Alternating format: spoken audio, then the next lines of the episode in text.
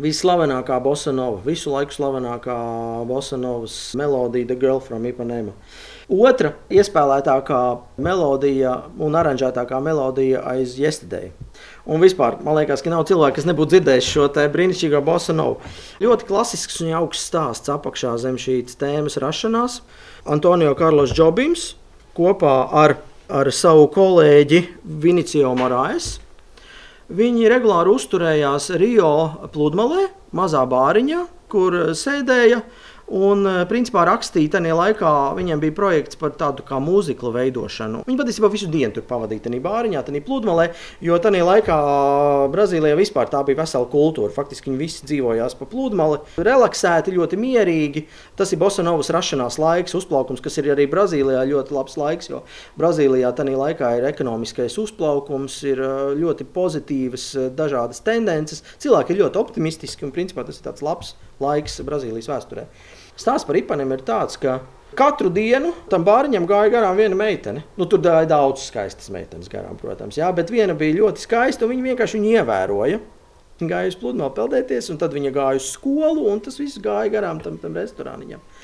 Džobims ievēroja to jauko meiteni, un kā viņa pati pēc tam stāstīja, kad, kad viņš bija teicis, ah, man ir jāuzraksta dziesma par viņu. Viņa ir tik skaista, jā. Ja? Un tas interesantākais ir tas, ka tā meitene pati, viņa, viņa, protams, neievēroja, ka tur kāds vispār uz viņu skatās. Viņa vienkārši gāja savā gaitā. Tā meitene, kas gāja garām, viņas vārds ir Heloīza Eneida Menezēs Paiša Pinto. Viņai bija 19 gadi tajā laikā. Viņa bija tāda skolniece.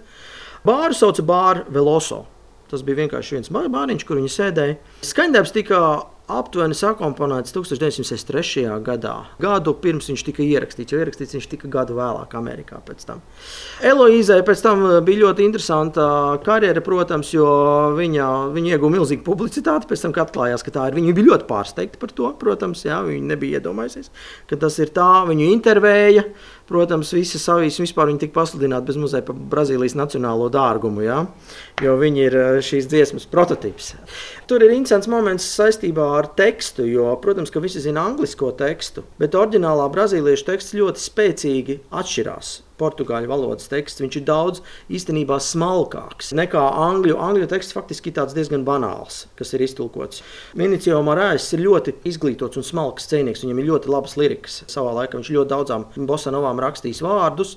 Viņš ir dzinieks īstenībā. Tā ir reāla dzēja, kas tur ir. Faktiski Ipanēma ir nevis meitene Bet Ipanam ir tēls, kurš paiet garām. Tas ir brīnišķīgs tēls, kurš tev paiet garām, un tā ir noskaņa viņa neatskatās, viņš ir gaistošais tēls. Tā ir tās muzikas un tā, tā dziesmas ideja, kas īsti nenolasās angliskajā tekstā. Bet uh, par ierakstu savukārt ir stāsts tāds, nu, kā viņi kļuva par slavenāko bosanovu pasaulē.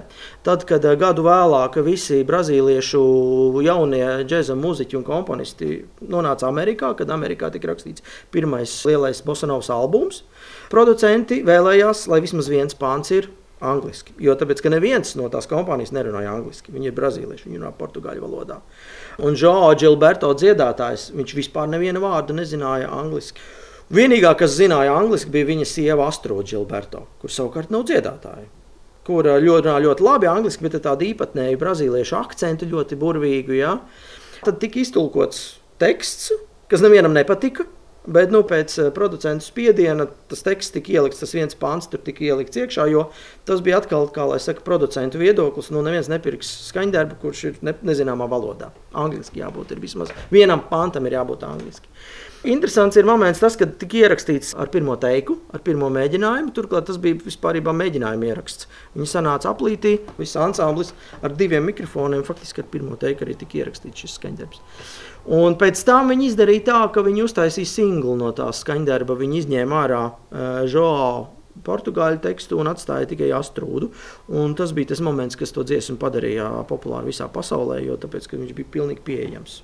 Un viņi, protams, nonāca čārtos. Pirmajā vietā viņi bija vispār ilgus laikus. Interesants fakts ir arī par to, ka tad, kad viņi par šo albumu dabūja Grammy 64. gadā, savu pirmo Grammy arī dabūja Beatles.